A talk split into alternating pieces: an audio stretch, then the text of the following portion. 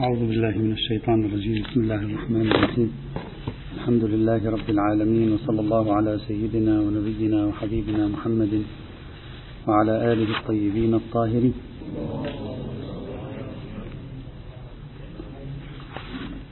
كنا بصدد الحديث عن المصلحة بوصفها أساسا في إدارة السلطة والسياسة الشرعية.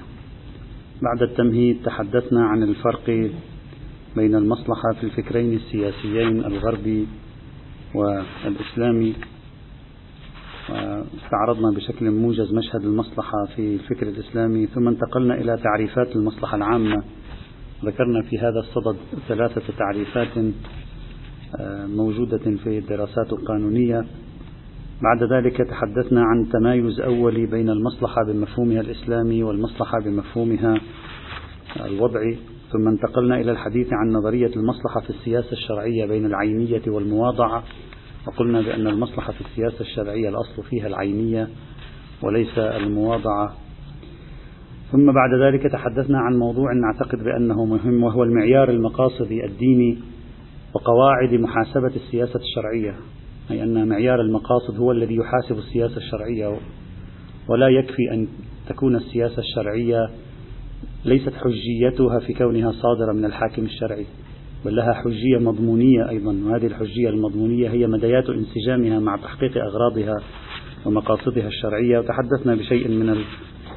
ليس التفصيل لكن أطلنا قليلا في استعراض بعض الشواهد لهذا الموضوع الذي نعتبره مهما وتوصلنا بعد ذلك إلى أن دراسة الغايات والمقاصد الشرعية طبقا لبحث السياسة الشرعية ينقسم إلى نوعين النوع الأول الدراسة الدينية وهو القيام باجتهاد ديني يحدد لنا ما هو المطلوب أن تحققه السياسة الشرعية. والنوع الثاني هو الاجتهاد الزمني بمعنى أننا نضع خطة عمل لتحقيق مقاصد شرعية في إطار زمني ممكن طبقا للإمكانات المتوفرة ثم نحاسب سياستنا الشرعية في ضوء تحقيقها للأهداف التي حددت من قبل. والعملية الأولى اجتهادية بامتياز بينما العملية الثانية عملية زمنية يعني تحتاج إلى خبراء إلى مجموعة من المختصين بالمجالات المتنوعة ليضعوا خطة عمل آه، يقال بأنها تستطيع أن توصلنا إلى تحقيق مقصد شرعي في مدة زمنية معينة آه، نستهدفه بالتحقق. وبعد ذلك نرى هل نجحنا أو لم ننجح. إذا لم ننجح فالسياسة الشرعية تكون في هذه الحال غير شرعية بهذا المعنى. لا غير شرعية بمعنى أن الحاكم الذي أتى بها غير شرعي. لا غير شرعية بهذا المعنى. أي أنها لم تحقق أهدافها. والمفروض أن السياسة الشرعية أحد عناصر شرعيتها تحقيقها للأهداف لأنها مبنية على آه، تحقيق الأهداف والفكر المقاصدي بالمعنى الذي قلناه في الأمس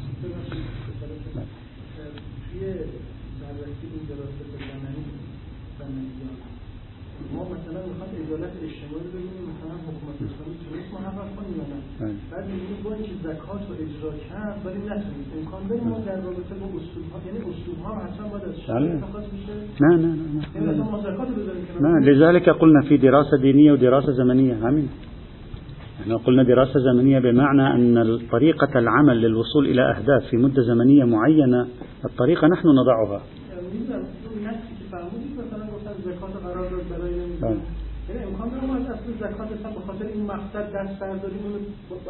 هذا بحث آخر. نرفع يدنا عن الزكاة لأنها لم تنتج. نرفع يدنا عن حكم منصوص لأنه لم ينتج. هذا بحث آخر. هذا اختبار الفقه. هذا موضوع آخر. لا علاقة له ببحثنا. هذا هل أستطيع أن أن أحاسب الحكم الشرعي في عالم التطبيق وأرفع يدي عنه لأنه لم يعطي نتيجة أو لا؟ هذا بحث آخر. قد يقول الفقيه لا لا أستطيع رفع يدي عنه. وإنما علي أن أضيف عليه شيئا آخر. لكي يحقق أهدافه. من الصعب رفع اليد حينئذ. النقطة التي وصلنا إليها هي من هو المتولي لمسؤولية تحديد مقاصد السياسة الشرعية التي تعتمد المصلحة؟ هذا السؤال يعد واحدة من أعقد الأسئلة في الفقه السياسي الإسلامي. يعني هو هذا سؤال تحدي دعونا نسميه سؤال من الذي يرسم مقاصد السياسة الشرعية؟ من الذي يقول من الذي نظره هو المحكم؟ يعني إذا جاء شخص وقال السياسة الشرعية مقاصدها واحد اثنين ثلاثة أربعة وجاء شخص آخر وقال السياسة الشرعية مقاصدها شيء آخر متداخل مع الشيء الأول. من هو الذي نظره محكم؟ إلى من يرجع في تحديد المقاصد التي تعتمدها السياسة الشرعية؟ عادة الشائع في الفقه الإسلامي سنة وشيعة ليس فقط يعني سنة وليس فقط شيعة. الشائع في الفقه الإسلامي أن المرجعية تكون لشخص ولي الأمر. أي نظرية اخترت في ولاية الأمر. شخص ولي الأمر هو الذي يكون نظره محكما. يعني إذا هو قال مثلا مقاصدنا المحدودة زمانا أو غير المحدودة زمانا هي واحد اثنين ثلاثة أربعة فنظره هو المحكم. وعلى السياسة الشرعية أن تعتمد نظره في رصد المقاصد التي تريد الدولة أن تصل إليها. هذا الشائع.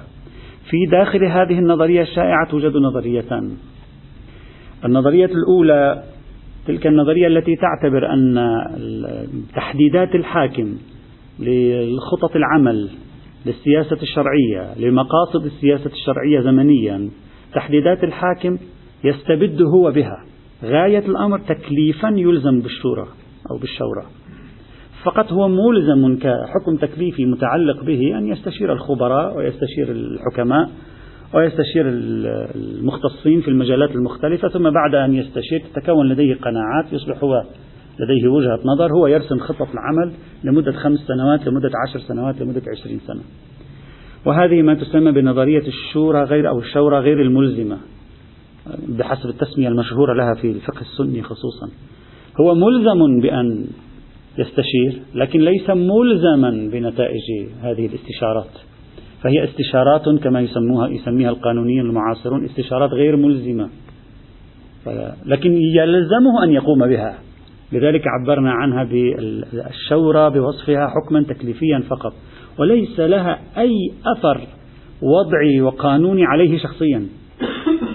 إذا خالف نظره أنظار جميع الذين استشارهم الحجة في نظره. فإذا عزمت فتوكل على الله. ونعم يجب عليه أن يستشير لأن هذه الاستشارة تنضج فكره وتجعل فكره أكثر قربا إلى مطابقة الواقع. هذه نظرية أولى.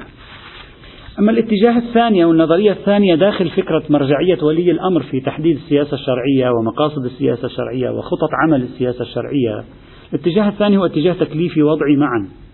يقول يجب على الحاكم عندما يضع خطة عمل آه، في السياسة الشرعية ليعتمدها وصولا إلى غايات محددة في زمان محدد يجب عليه أن يستشير الخبراء المختصين في المجالات التي يريد أن يضع فيها خطة عمل. ونتائج هذه الاستشارات تكون ملزمة. طبعا من الذين يستشيرهم؟ في الفقه الإسلامي عندنا جملة مبهمة. أهل الحل والعقد جملة مبهمة. في قديم الأيام أهل الحل والعقد كانت يعني بشكل اتفاقي تحدد من هم أهل الحل والعقد؟ هل يوجد نص في الكتاب أو السنة يحدد لي من هم أهل الحل والعقد؟ هل هم رؤوس العشائر؟ هل هم النواب هل هم رؤساء الأحزاب؟ حياتنا المعاصرة. هل هم المفكرون؟ هل هم المثقفون؟ من هم أهل الحل والعقد؟ أصلا لا يوجد. هذه هذه نواقص الفقه السياسي الإسلامي التي تحتاج إلى عمل. لا يوجد عندنا ضابط. لهذا المفهوم الذي تجده في كتب المسلمين من القرن الرابع أو الثالث الهجري إلى يومك هذا.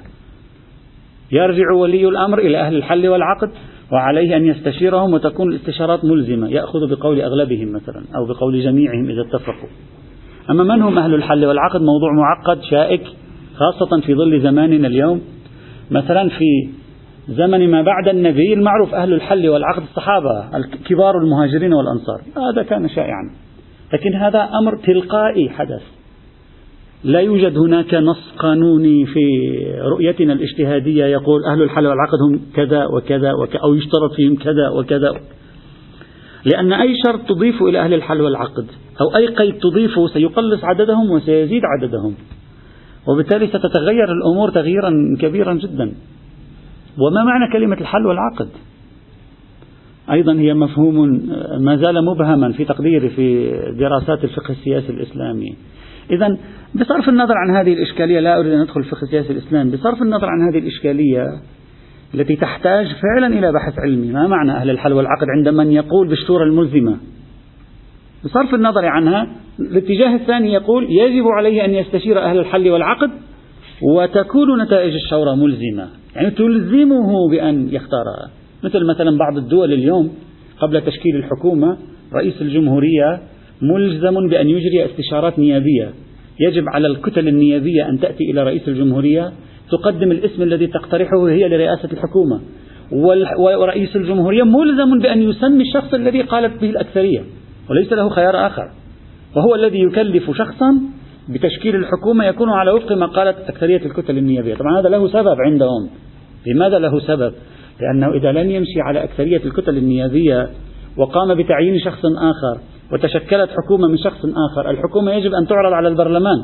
إذا لم تكن الكتل النيابية موافقة على هذا الشخص سوف تطيح بالثقة وبالتالي سيفشل العمل. لذلك اشترطوا منطقيا في السيستم الذي يعملون فيه في إدارة السلطة اشترطوا أن تكون الاستشارات هذه ملزمة حتى لا يتعقد الأمر فيما بعد. هنا أيضا يجب أن تكون هذه الاستشارات ملزمة وعليه أن يأخذ برأي الأغلبية في هل ما هو الدليل على الإلزام؟ على غير الإلزام كله له بحث موجود وينبغي أن يطور أيضا في دراسات الفقه السياسي الإسلامي لكن توجد فكرة أخرى لك أن تلحقها بالاتجاه الثاني ولك أن تفصلها عنها. ولعل هذه الفكرة يمكن أن نسميها بنظرية الإمامة الجماعية في موضوع السياسة الشرعية في مقابل الإمامة الفردية. هذه الفكرة تقول لا يوجد شيء اسمه تشخيص الخطوط والأهداف ورسم السياسة الشرعية العامة ضمن مدى زمني معين للوصول إلى أهداف دينية وشرعية. لا يوجد شيء اسمه أن ولي الأمر هو الذي يحدد سواء كان يحدد في إطار شورى ملزمة أو في إطار شورى غير ملزمة. إنما الذي يحدد هو مسار. هو مسار تحول إلى إلى شكل من أشكال العلم والمنهج. وليس إلى وجهة نظر. يعني طبيعة النظام الدولة يؤدي إلى رسم السياسة العامة للدولة طبق, تش... طبق مشاركة مجموعة كبيرة من مؤسسات الدولة. تتشارك فيما بينها بشكل قانوني بما في ذلك شخص الحاكم أيضا رئيس الدولة وبالتالي ينتج عن مشاركتها ينتج نتيجة هي تحديد السياسة الشرعية. مثلا المجالس الدستورية في إيران اسمه مجلس صيانة الدستور يسمونه. لكن في الدول الأخرى المعروف اسمه المجلس الدستوري البرلمان يشارك أيضا مثلا. الحكومة أيضا تشارك في هذا الموضوع. نفس رئيس الجمهورية أو رئيس الدولة يشارك في هذا الموضوع. هناك البرلمان ليس عبارة عن أفراد البرلمان. البرلمان في داخله لجان وهذه اللجان أيضا تسبقها لجان تقدم دراسات إلى هذه اللجان. هذا المسار لا أدري ماذا أعبر عنه أنا أفضل تعبير المسار. هذا المسار هذا الطريق الذي تمضيه عملية وضع الخطط العامة للدولة هو الذي يحدد السياسة الشرعية. وبالتالي لا يوجد شخص يحدد السياسة الشرعية سواء كان هذا الشخص يستشير الآخرين أو لا يستشير الآخرين. ملزم بعد استشارتهم أو غير ملزم بعد استشارتهم. هذه النظرية يمكن لك أن تلحقها بالشورى الملزمة. يمكن بتخريج ما ويمكن أن تطلق عليها اسم الإمامة الجماعية في تحديد كليات السياسة الشرعية طبعا أي من هذه الخيارات الثلاث هو الأصح؟ هل الشورى غير الملزمة؟ هل الشورى الملزمة؟ هل النظرية الثالثة؟ بحوث موجودة في الفقه السياسي الإسلامي وبالإمكان أن تراجع لأنه ليس بحثنا فقد أحببت أن أضيء على هذا الموضوع لكي نطل عليه تتفتح أعيننا على تنوع وجهات النظر في هذه القضية.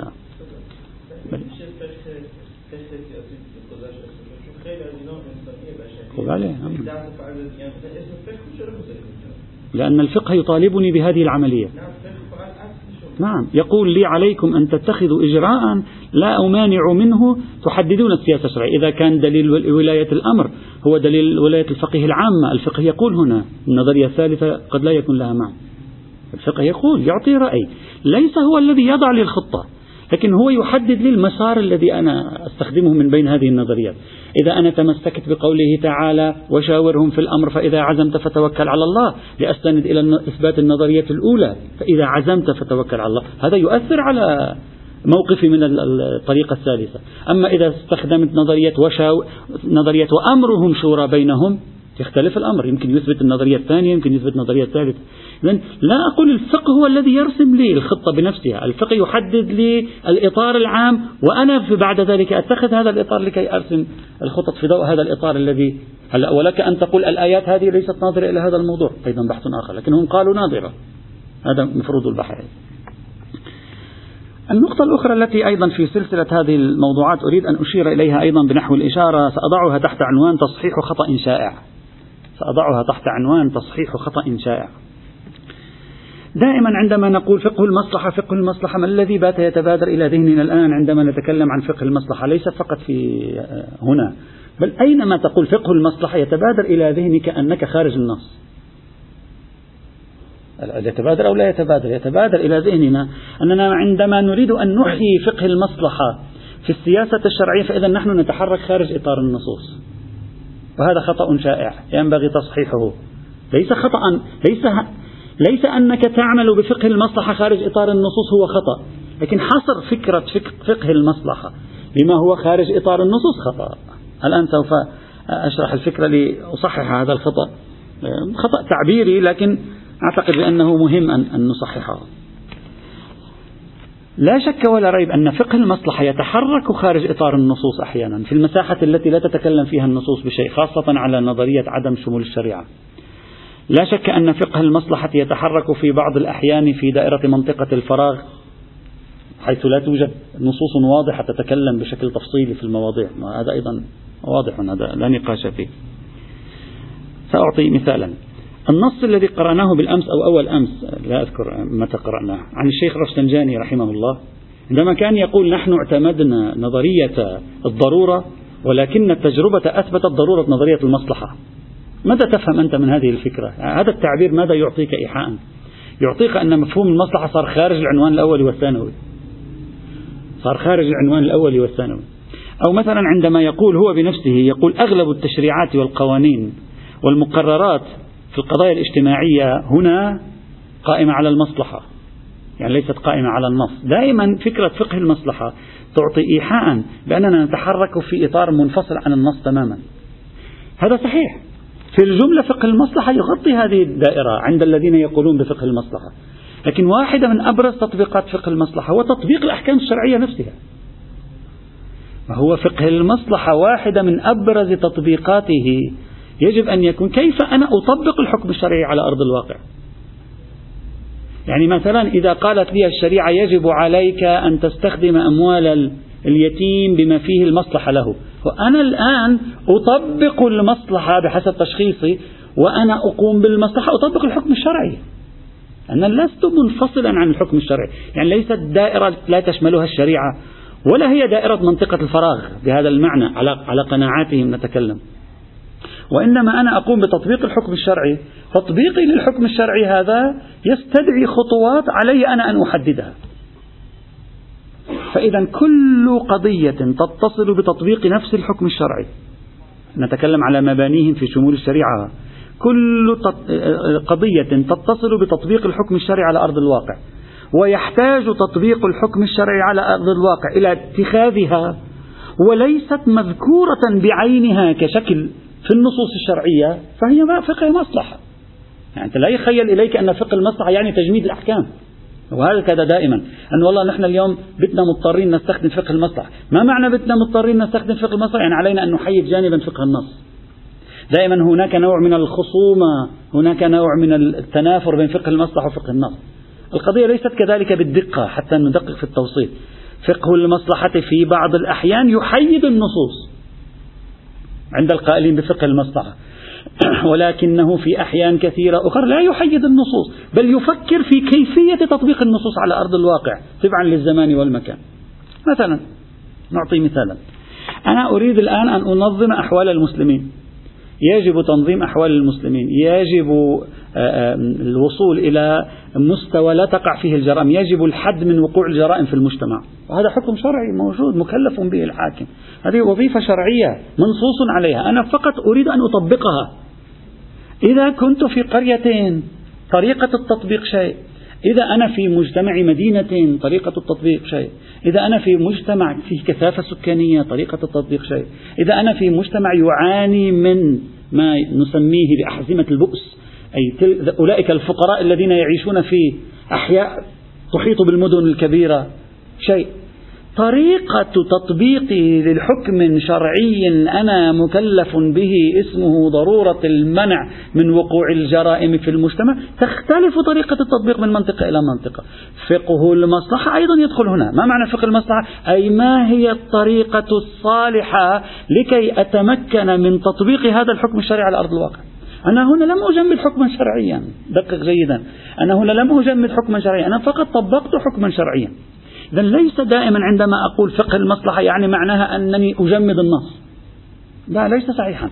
غالبا ما تستعمل هذه الكلمة في أدبياتنا لأجل تقييد أيدي يعني تكبير يد النص. هذا شائع.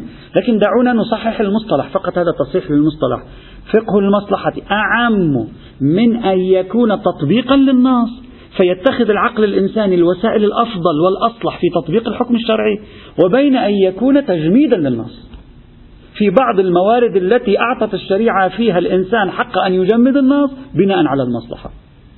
كما في نظرية فقه المصلحة عند الإمام الخميني رحمه الله. إذا المفهوم أوسع وبالتالي علينا أن نصحح الفكرة ليش أنا أقول نصحح الفكرة لأنه نحن دائما آه، آه، آه، نتأثر على مستوى الأحاسيس. مثلا الآن إذا أنت قلت فلان يؤمن بتاريخية بعض النصوص الأحاسيس الشائعة في مناخنا الديني هو الخوف منه. لماذا؟ لأن كلمة تاريخية النص تعني تجميد الأحكام.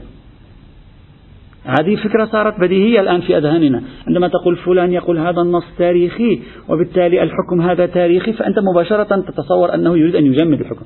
أبدا. الشخص الذي يقول حكم أصناف الزكاة تاريخي. هل هو يجمد الزكاة أو يقوي الزكاة الآن برأيك؟ الذي يقول أصناف الزكاة التسعة حكمها تاريخي. هل هذا يريد أن يقول الزكاة نجمدها الآن أو يريد أن يقول الزكاة نفعلها الآن؟ هو يفعلها. فليس صحيحا ما يقال دائما أنك إذا قلت تاريخي إذا هذا معناه أنك كبلت يد النص وبالتالي أنت تريد أن تجمد النص. نفس الفكرة أريد أن أوضحها في موضوع فقه المصلحة. ليس دائما عندما نقول نريد أن نعتمد فقه المصلحة إذا بالضروري أن أجمد حكما شرعيا. لا. لأن هذه الفكرة أوسع بكثير. خاصة في الرؤية المقاصدية. لأن الرؤية المقاصدية تعتبر أن تغيير الوسائل أمر يخضع لمراد الشارع بنفسه في تحقيق المقاصد. وبالتالي أنا ما زلت داخل النصوص. لم أخرج من النصوص في مثل هذه الحال. فلذلك من الضروري أن نصحح هذا الخطأ الشائع لكي نذهب أو أو نجلي عن فكرة فقه المصلحة شبح الخوف منه. هذا الذي أريد أن أصل إليه. كما هي كما هو شبح الخوف من فكرة التاريخية بعض الأحكام.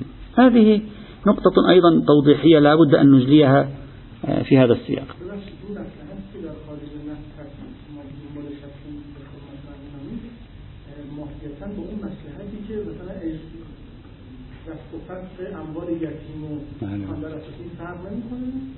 نعم. نعم. يفرق. لا يفرق. لا كله كله أعمال مصلحة. لا بأس فليكن فليكن. نظرية المصلحة في الفقه الإسلامي تارة تكون في تطبيق في آلية تطبيق الحكم على أرض الواقع وأخرى تكون في حيث لا حكم بناء على عدم شمول الشريعة وثالثة تكون في تجميد حكم. ما المانع؟ أن يكون عندنا عنوان واحد يمكنه أن يغطي ثلاثة وكل مورد له خصوصياته. مثل أن تقول الأصول العملية عنوان واحد وله خصوصيات مشتركة وله أيضا له قواسم مشتركة وله خصوصيات في الموارد المختلفة. البحث المهم الآخر الذي أيضا أريد أن أشير إليه هنا أضعه تحت عنوان بين عدم المفسدة ورعاية المصلحة. هذا مهم. بين عدم المفسدة ورعاية المصلحة. واضح لنا جدا أن السلطة الشرعية مهما فرضت مساحتها سعة وضيقا ملزمة في جميع سياساتها الشرعية أن آه، تكون مراعية للمصلحة بالمعنى العام للكلمة. وهذا واضح. كلهم يتكلمون لا بد في السلطة الشرعية أن تراعي المصلحة الإسلام والمسلمين وعليها أن تكون خاضعة لمصلحة الإسلام. هذا عنوان عام كلي إنما الكلام هل يجب على السلطة الشرعية في كل مقرر من مقرراتها في كل إلزام تقوم به في كل مشروع تقوم به في كل خطة عمل تقوم بها. أن تحقق مصلحة ترجع على المسلمين ولو كانت هذه المصلحة المنع من لحوق ضرر بهم. أو يكفي أن لا تكون مشاريعها في الجملة ملحقة بمفسدة أو ضرر للمسلمين. في فرق كبير بين الاثنين. بين أن تقول يجب في كل ما تقرره الدولة الشرعية في سياستها الشرعية أن يرجع بمصلحة على المسلمين. هذه حيثية إضافية إيجابية. وبين أن تقول يكفي ولو في بعض الأحيان أن تكون السياسة الشرعية ممن لا يلحق ضررا بالمسلمين. وتكون ملزمة. هذه الفكرة لها جانبان جانب تكليفي وجانب وضعي. أما الجانب التكليفي فهو خطاب شرعي موجه إلى الحاكم بنفسه سواء كان فردا أو جهة. تقول له يجب عليك وأنت تضع السياسة الشرعية أن تحقق وتستهدف تحقيق المصالح للمسلمين. يعني لازم تجيب شيء. لازم تأتي بريعة على المسلم الريع في المجال الاقتصادي في المجال السياسي في مجال العلاقات الخارجية في المجال الثقافي في المجال الإيماني في المجال الأخلاقي إلى آخره. هذا حكم شرعي تكليفي موجه إلى السلطة الحاكمة بنفسها. أما الحكم الثاني فهو حكم وضعي. بمعنى حدود ولاية السلطة الشرعية فقط في دائرة المقررات التي تجلب المنفعة للمسلمين. لا في دائرة المقررات التي لا تجلب منفعة ولا تأتي بمفسدة. يعني عندما تقول السلطة الشرعية لها ولاية على إدارة شؤون المسلمين هل لها ولاية ملزمة على الناس في جميع المقررات التي يكون فيها الصالح للمسلمين أو لا يكون فيها فساد؟ حبت تعمل مشروع لا هو يضر ولا هو ينفع. أو لا ولايتها كحكم وضعي ولايتها خاصة في مورد تحقيق المصلحة. ولا تشمل مورد عدم المفسدة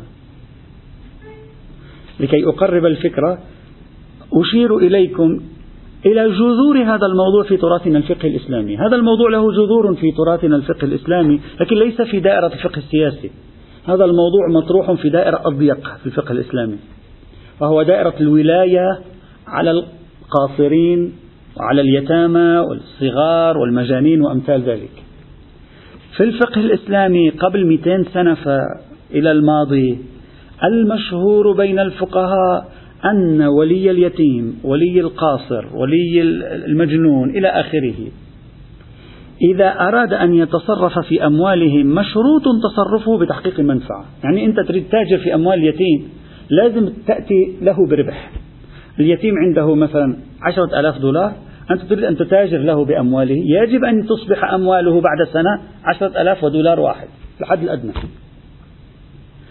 أما إذا تاجرت بأمواله بحيث ناتج هذا التجارة هو الحصول على ألف دولار فقط هي نفسها أو عشرة ألاف دولار فقط هي نفسها لا يجوز لك التجارة. وبالتالي التصرف مشروط بالغبطة والمصلحة بحسب تعبير الفقهاء. وليس مشروطا فقط بعدم المفسدة. هذا الرأي السائد خاصة ما قبل الشيخ الأنصاري رحمة الله تعالى عليه. مثلا لاحظوا العلامة الحلي في كتاب التذكرة. ماذا يقول؟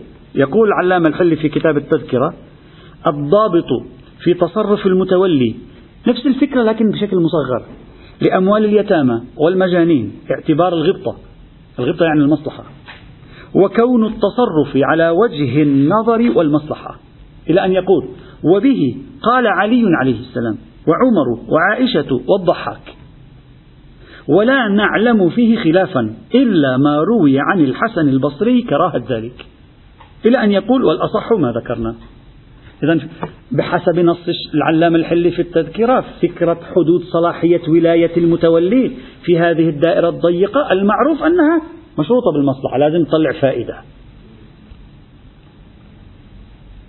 إلا الحسن البصري قال لا مكروه. لكن يجوز لك أن تتاجر بدون أن تأتي له بفائدة. ما, ما في فائدة. لكن المهم أن لا يكون هناك مفسدة. لا تصير العشرة آلاف دولار عبارة عن تسعة آلاف دولار. هذا موجود لكن منذ 200 سنة تقريبا بدأ البعض الفقهاء يشكك في هذا الرأي الفقهي.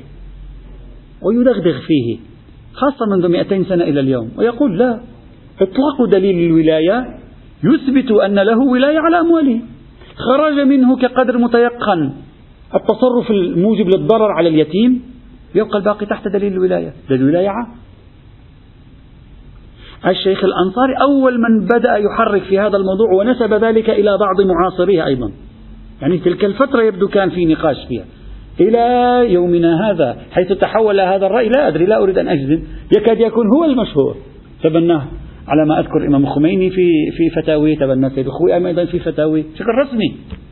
وتحول من 200 سنة فما قبل كان الرأي السائد شرطية المصلحة الآن تحول إلى شرطية عدم المفسدة. إذا نفس هذه الفكرة في مفهوم الولاية والسلطة موجودة في البحث الفقهي لكن بشكل مصغر.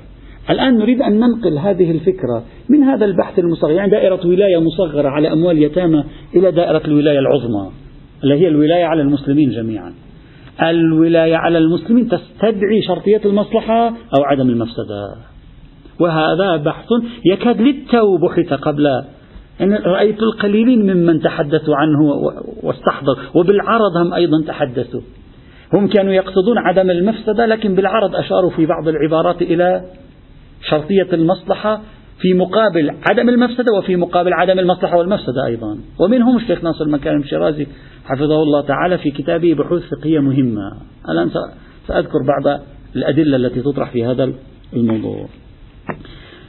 ما هي الأدلة على اشتراط المصلحة؟ ليش أنت تريد أن تلزم الحاكم بأن يأتي بمصلحة على المسلمين؟ وليس له سلطة في خارج إطار تحقيق المصلحة حتى لو لم يلحق مفسدة. توجد بعض الأدلة التي طرحت أو يمكن أن تطرح هنا بل.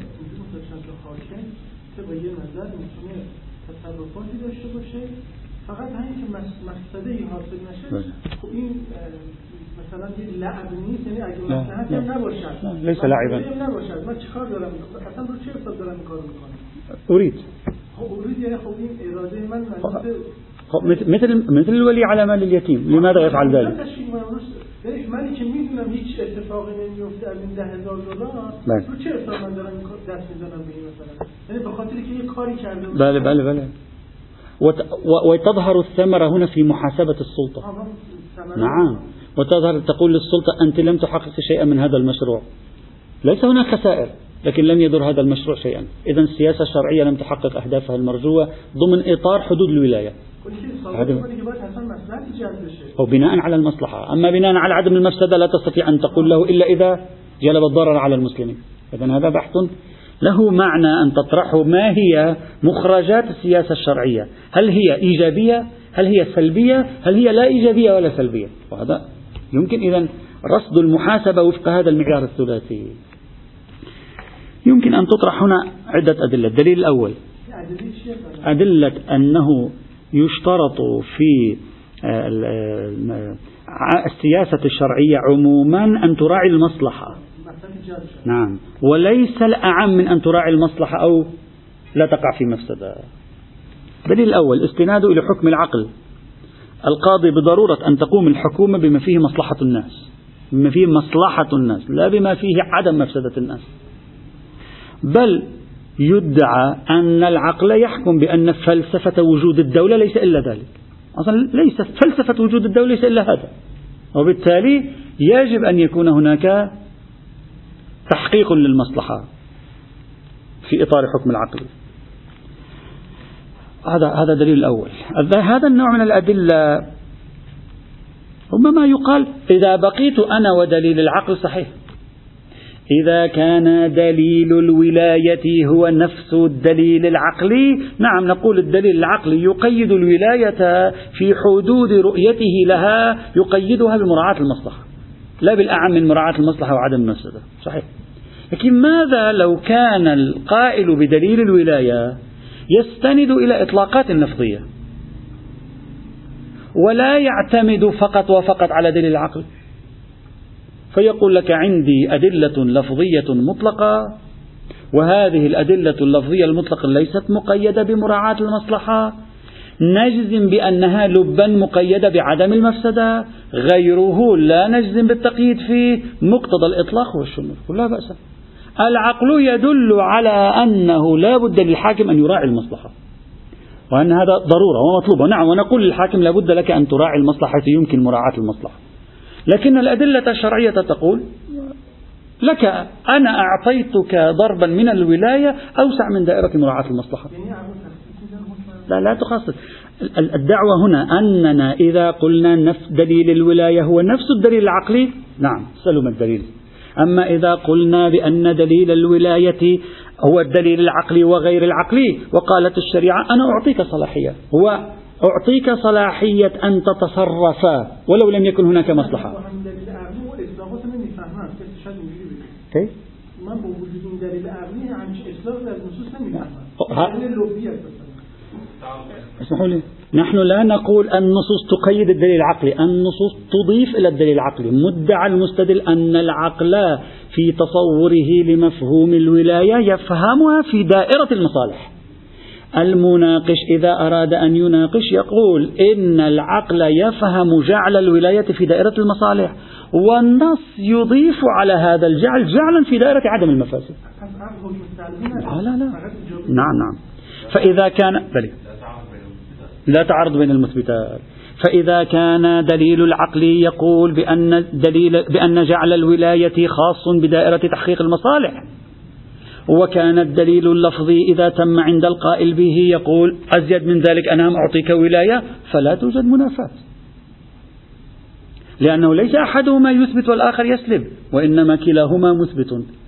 فلا تستطيع بهذا الدليل أن تنفي إطلاق الولاية لو ثبت بالدليل النصبي وإنما تستطيع به أن تثبت عدم الإطلاق لو لم يكن هناك دليل لفظي وإنما كان فقط دليل عقلي. لا بأس. هذا الوجه يمكن أن يكون مثلا مقبولا في هذا الإطار ولكنه في تقديري ليس مهم. المهم هو الوجه الثاني لأن الحديث عن إلزامات عقل حكم عقل عملي عادة صعب الدليل الثاني ما يظهر من بعض العلماء قالوا أصلا أدلة جعل الولاية للحاكم ليست تأسيسية. أدلة جعل الولاية للحاكم لا تؤسس شيئا جديدا. السلطة أمر بشري. السلطة شأن يعرفه البشر. السلطة أمر قائم في حياة العقلاء. وبالتالي هو أمر موجود في الخارج. ما الذي فعلته أدلة الولاية؟ الذي فعلته أنها أضافت شرطا على دليل الولاية. ما هو؟ مثلا شرط الفقاهة. مثلا شرط العدالة. العدالة بالمعنى الشرعي. مثلا. مثلا شرط مصالح المسلمين خاصة. مثلا. أدلة الولاية لم تؤسس مفهوما جديدا للولاية. وإنما تؤكد نفس المفهوم العقلائي وتضيف إليه شروطها الشرعية التي هي في الغالب يقصد منها حفظ مصالح الإسلام. في الغالب أنت إذا تلاحظ هذه الشروط الإضافية ليس فيها إلا حفظ مصالح القضية الإسلامية. لا حفظ مصالح الناس مصالح الناس هي نفسها. فإذا ماذا يقول المستدل؟ يقول الأدلة اللفظية هذه قيمة مضافة لهذا الدليل الأدلة اللفظية. ناظرة إلى ليست ناظرة إلى تأسيس مفهوم الولاية بل هي مشيرة مشيرة إلى هذا المفهوم القائم في حياة العقلاء وناظرة إلى إضافة قيود وشروط عليه. بناء عليه نقول دليل الولاية يكرس الولاية بمفهومها العقلائي. إذا رجعنا إلى الولاية بمفهومها العقلائي نرى أن العقلاء كما الآن أشار سماحة الشيخ نرى أن العقلاء يرون صلاحية سلطة السلطة فقط في دائرة رعاية المصالح وتحقيق الأغراض الإضافية لا في دائرة أن يفعل أي شيء حتى لو لم يحقق لي غرضا. إذا التقييد أين يكون في المشار إليه؟ يعني في نفس المرتكز العقلائي في نفس التباني العقلائي الذي النصوص لم تأتي إلا لتكريسه. وبعبارة ثالثة النصوص ليست في مقام بيان حدود الولاية بل هي في مقام بيان شروط الولي أكثر وعليه نرجع إلى حياة العقلاء. العقلاء ماذا يقولون هنا؟ يقولون الحكومة يجب عليها أن تحقق مصالح الناس. لا أن تأتي تتصرف في الأموال العامة بما لا يحقق مصالح الناس فقط لا يحقق مفاسد لهم. هذا لاعب وله. صحيح لا يضرنا لكن هو لاعب وله. لا نرى في مفهوم الحكومة أنه مفهوم صحيح. لا بد يحقق به مصالح. ولو كانت هذه المصالح هي دفع المضارة كما قلت في البداية. وأحد الذين يقولون يستدلون بهذا الدليل نفس الشيخ ناصر مكارم شيرازي. الشيخ مكارم شيرازي يقول أي أن الحكومة؟ هذا هذا نص مهم. إن الحكومة ليست من مخترعات الشريعة بل كانت أمرا دائرا بين العقلاء من قديم الأيام حين اختار الإنسان الحياة الاجتماعية. والشارع المقدس أمضاها. غاية الأمر بماذا؟ بقيود وشروط. ننظر في الشروط. هل يوجد شرط؟ ألف نأخذ به. هل يوجد شرط؟ باء نأخذ به. لا يوجد نرجع إلى العقلاء. هم يحددون الشروط. ومن المعلوم أنها شرعت أي الحكومة الدولة شرعت بين العقلاء لحفظ مصالح المجتمع وغبطة الناس صغيرهم وكبيرهم. وإن قل من قام بها وأدى حقها إلى أن يقول فلا يكون الفقيه ولا غيره مجازا في الأخذ بغير ما فيه مصلحة الناس. لا بد أن يكون تحقيق المصلحة لا الأعم من المصلحة وعدم المفسدة. كتاب بحوث فقهية مهمة أنا الآن ناسي. هذا الكتاب أظن في طبعة سابقة كان اسمه بحوث فقهية هامة وغيروها وأظن أنهم غيروها لأن كلمة هامة في اللغة العربية كثيرا ما تنصرف إلى من يأتي بالهم وليس إلى من هو مهم.